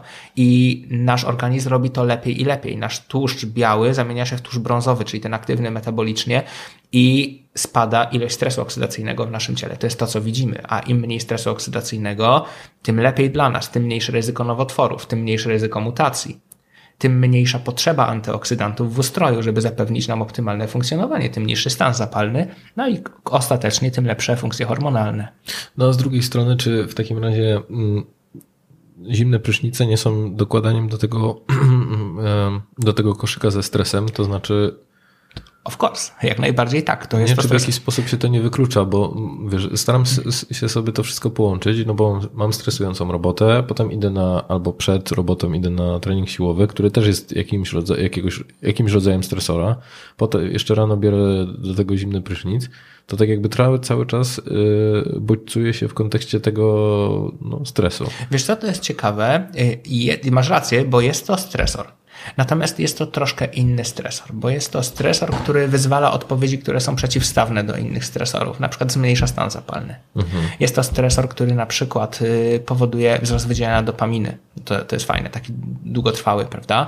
Y, I wreszcie, wreszcie y, jest to stresor, który wspomaga funkcje hormonalne, na przykład długotrwale obniża stężenie kortyzolu, nawet jeśli chwilowo dojdzie do wzrostu. Ale dlatego mówię pacjentom, że nie wszystko naraz i nie w dużych ilościach to chcenie wszystkiego naraz to się kończy zawsze bardzo źle. I to jest zawsze stopniowo, powoli, aż dojdziemy do pewnej adaptacji, potem możemy wskoczyć o level wyżej i znowu o level wyżej. Po mhm. prostu. Więc oczywiście masz rację i stosowanie wszystkiego naraz yy, spowoduje, że prawdopodobnie zachorujemy. Że, po prostu. padniemy. Jasne, tak, tak będzie, ale właśnie po to jest yy, lekarz prowadzący, żeby powiedział, Wstrzymaj konie, zrób to, zrób tamto, powolutku. Mhm. Za dużo stresorów, bardzo zły pomysł. Zrób po jednym. Dojdź do zdrowia powoli. Tak? Pracowałeś na problemy przez 30 lat, nie? Czy to oznacza, że chcesz z nich wyjść w tydzień? Tak, wiem, że chcesz, ale nie wyjdziesz. Wyjdziesz dopiero w kilka miesięcy. Pod warunkiem, że będziesz cierpliwy i konsekwentny. No, zwłaszcza, że to są takie fundamentalne zmiany, że to nie jest takie hop żeby to wszystko zmienić, bo tak naprawdę trzeba trochę inaczej zaprojektować swoją codzienność.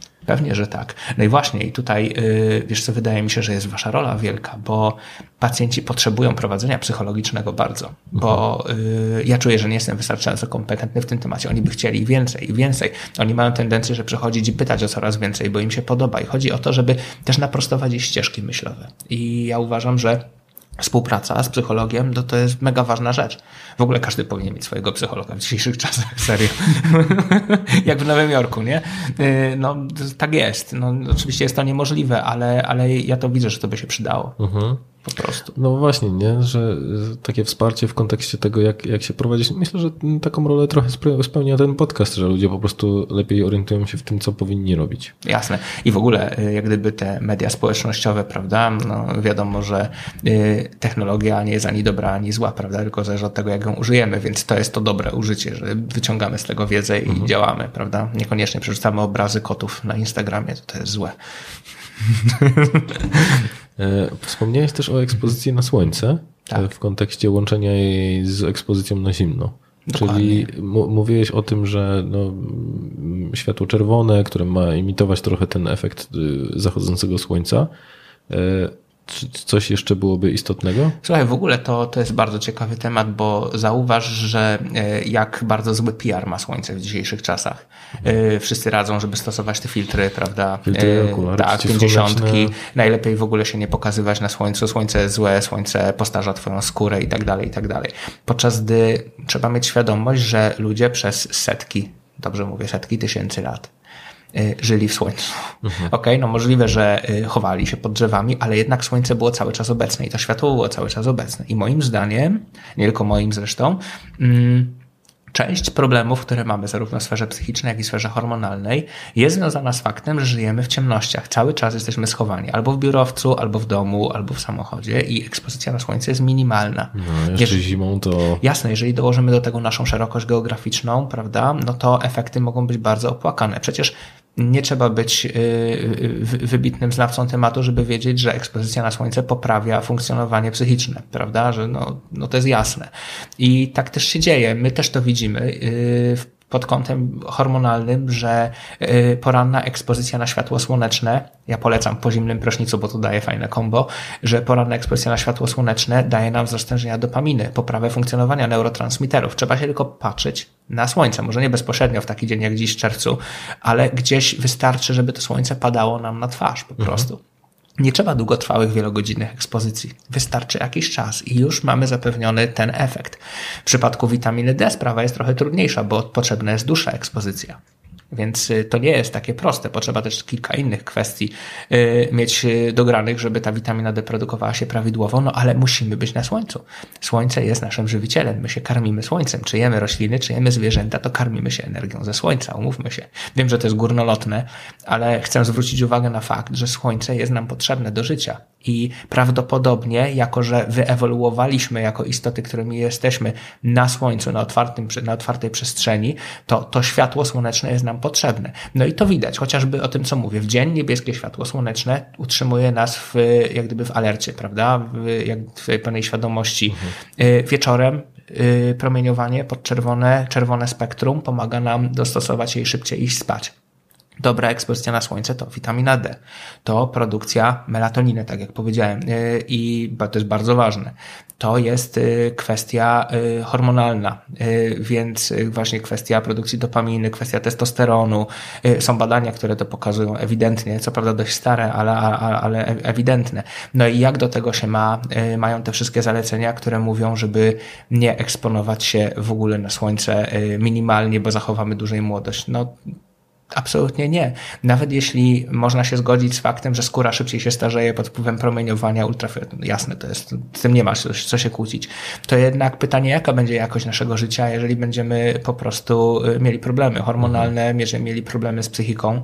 Y, myślę, że da się to wszystko pogodzić. Moim zdaniem fajnie jest eksponować się na słońce w tych godzinach, y, w których ono nie świeci najmocniej. To to jest jeden pomysł. Wiesz, to tak nawet nie szukając daleko, jak jeździ się w te kraje południowe, gdzie na przykład wiesz, w Grecji kryzys, czy tam ludzie wyglądają, jakby był kryzys. Jasne. Że, e, że jakoś czuje się ten, ten luz. I ten myślę, luz. że gdzieś to słońce i ekspozycja na nie, e, taka ciągła, też może być czynnikiem, który mocno na to wpływa. I tak jest. I tak jest. Mamy wiele badań, które to potwierdzają. Testosteron, serotonina, dopamina. Możemy bez końca po prostu y, o tym mówić. Y, no i właśnie jest jeszcze jeden problem, prawda? Jest, tak jak powiedziałem, jest bardzo popularny temat filtrów na twarz. I teraz bardzo wiele z tych kremów zawiera w sobie substancje, które są ksenoestrogenami, czyli które podane bezpośrednio wchłaniają się do organizmu i powodują dysfunkcje hormonalne, na przykład powodują wzrost stężenia estradiolu albo działają jak estradiol i przez to może dojść do wielopoziomowego zaburzenia funkcji hormonalnych. Więc y, nie jestem miłośnikiem y, kremów z filtrem. Y, Nie chcę dawać żadnych radykalnych rad, bo też nie o to chodzi, żeby się eksponować od 12 do 2, prawda, na czystym słońcu, bo skończymy z oparzeniami. To jest jasne, ale z głową, moim zdaniem, ze światła trzeba korzystać i efekty będą super i co najważniejsze, są za okrągłe 0 złotych. Okej. Nikt na tym nie zarobi, więc wiesz, nikomu nie zależy za bardzo, żeby to promować. Co, jak się zmieniają klienci czy pacjenci, u których ten testosteron zaczyna, czy hormony zaczynają się stabilizować? Jacy oni są? Zadowoleni. Dużo lepiej funkcjonują i pierwsze co zauważają to jest większa ilość energii. Zawsze mówią, że bardziej im się chce. Zawsze mówią, że czują większą werwę do działania i mają po prostu lepszy nastrój. Więc to jest y, jak gdyby temat dla Was, prawda, żeby pilnować tego, żeby taki pacjent został zawsze przebadany, bo może się okazać, że efekty będą dużo lepsze, kiedy będziemy współpracować. Zwłaszcza, że nie ma takiej, takiego podejścia do, do diagnostyki mm, takiej prewencyjnej w, w przypadku Polaków, zwłaszcza wśród mężczyzn to już w ogóle mam wrażenie, że jest Jasne. ogromny z tym problem. Że Wiesz, jak, to, jak w tych historiach, że facet idzie do lekarza tylko jak złamał rękę e, albo ma problemy z erekcją. Nie? Tak. Mniej więcej tak to wygląda często. Nie no, mamy coraz bardziej świadome społeczeństwo. Zdarzają się mi już pacjenci, którzy przychodzą o tak po prostu, bo chcą się zbadać. I to jest super. Ja zawsze im gratuluję, mówię fajnie, fajnie, że ktoś jest świadomy. Yy, I to nieważne, czy ma 20 lat, czy 67. Zawsze fajnie jest przyjść do urologa, się zbadać po prostu. Czegoś ciekawego się człowiek dowie o sobie. Spotkałem się z takim określeniem, że od 30 roku życia testosteron zaczyna spadać. Mm, tak, jest takie stwierdzenie i to jest widoczne w badaniach. Y, y, Zgadzasz się z tym? Nie ma co się nie zgadzać z faktami, natomiast y, nie zgadzam się z, jak gdyby z wnioskami, które z tego płyną. Zgodzeniem się z tym. Tak, nawet z, nie, z wnioskami, bo wnioski są takie, że naturalnie z wiekiem testosteron zaczyna spadać. Wydaje mi się, że to nie jest prawda. Z wiekiem testosteron zaczyna spadać, ponieważ kumulują się w nas różnego rodzaju zaburzenia i deficyty, które mamy z, powodu stylu życia, stresu przewlekłego, yy, nawarstwiających, się, nawarstwiających się problemów na poziomie metabolicznym, na poziomie komórkowym. I w takiej sytuacji rzeczywiście testosteron w pewnym momencie zaczyna spadać, bo jak dzisiaj pokazaliśmy, to jest po prostu samo zazębiający się mechanizm i jedno bardzo silnie wpływa na drugie. Więc z tego powodu tak. Natomiast zdarzają się dziarscy panowie, którzy mają y, w wieku lat 70-80 bardzo wysoki testosteron. Czyli ile? Nie, nie, powinniśmy się, nie powinniśmy się przywiązywać do liczb, ponieważ dla każdego wysoki testosteron to jest co innego, ale powiedzmy, że w górnych granicach normy, czyli między 600 a 800 nanogramów na decylitr, okay? To, tak jak mówię, nie przywiązujmy się tak bardzo do tych liczb, bo to wiele może znaczyć, no ale zasadniczo coś koło tego. I oni mają się świetnie, oni zadają kłam temu twierdzeniu, że naturalnie testosteron spada. I takich ludzi jest więcej i to są najczęściej panowie, którzy są insulinowrażliwi, szczupli, dziarscy, dużo chodzą, eksponują się na słońce, tak, i mają szczęśliwe i udane życie rodzinne. I to jest też bardzo ważne, bo o tym nie wspomnieliśmy, ale jak gdyby y, te wszystkie zależności społeczne, czyli kontakty z innymi ludźmi i tak dalej, też bardzo silnie przekładają się na funkcje hormonalne. Mało tego, jedno z lepszych badań, jakie widziałem, pokazało, że to, jak długo w zdrowiu będzie człowiek żył, w największym stopniu zależy od tego, jak wyglądają jego właśnie, jego właśnie kontakty społeczne, y, a nie od tego, jaki jest jego, jak nie tylko od tego, jaki jest jego stan zdrowia. Nie chcę powiedzieć, że w ogóle nie, ale nie tylko. I to dla mnie jest dowód na to, że jesteśmy zwierzętami stadnymi i że y, warto jest po prostu, żebyśmy, żebyśmy posiadali jak gdyby te, te, te więzi społeczne. Y, okazuje się, że w tych niebieskich strefach słynnych, ja uważam, że niebieskie strefy to jest trochę bullshit, ale załóżmy, że w tych niebieskich strefach, o których się mówi, tam gdzie pacjenci, tam gdzie ludzie żyją najdłużej na świecie, prawda? Że bardzo wiele z tych stref to są strefy, gdzie występują małe lokalne społeczności, gdzie każda osoba niezależnie od wieku ma swoje obowiązki, gdzie spotyka się z ludźmi, gdzie ma y, rzeczy do zrobienia, bo nic tak bardzo negatywnie nie działa na funkcjonowanie jak brak przydatności społecznej. A pewnie przyznasz mi rację, nie? Mhm, Więc nie, jakby... że ten brak celu i z, zwłaszcza u mężczyzn jest tym, co no, negatywnie wpływa na... Tak jest, mężczyźni potrzebują zadań, potrzebują celu, więc, więc to, to jest bardzo ważne. To była tylko dygresja, prawda, mhm. od tego, o czym mówiliśmy, ale, ale tak, tak właśnie jest.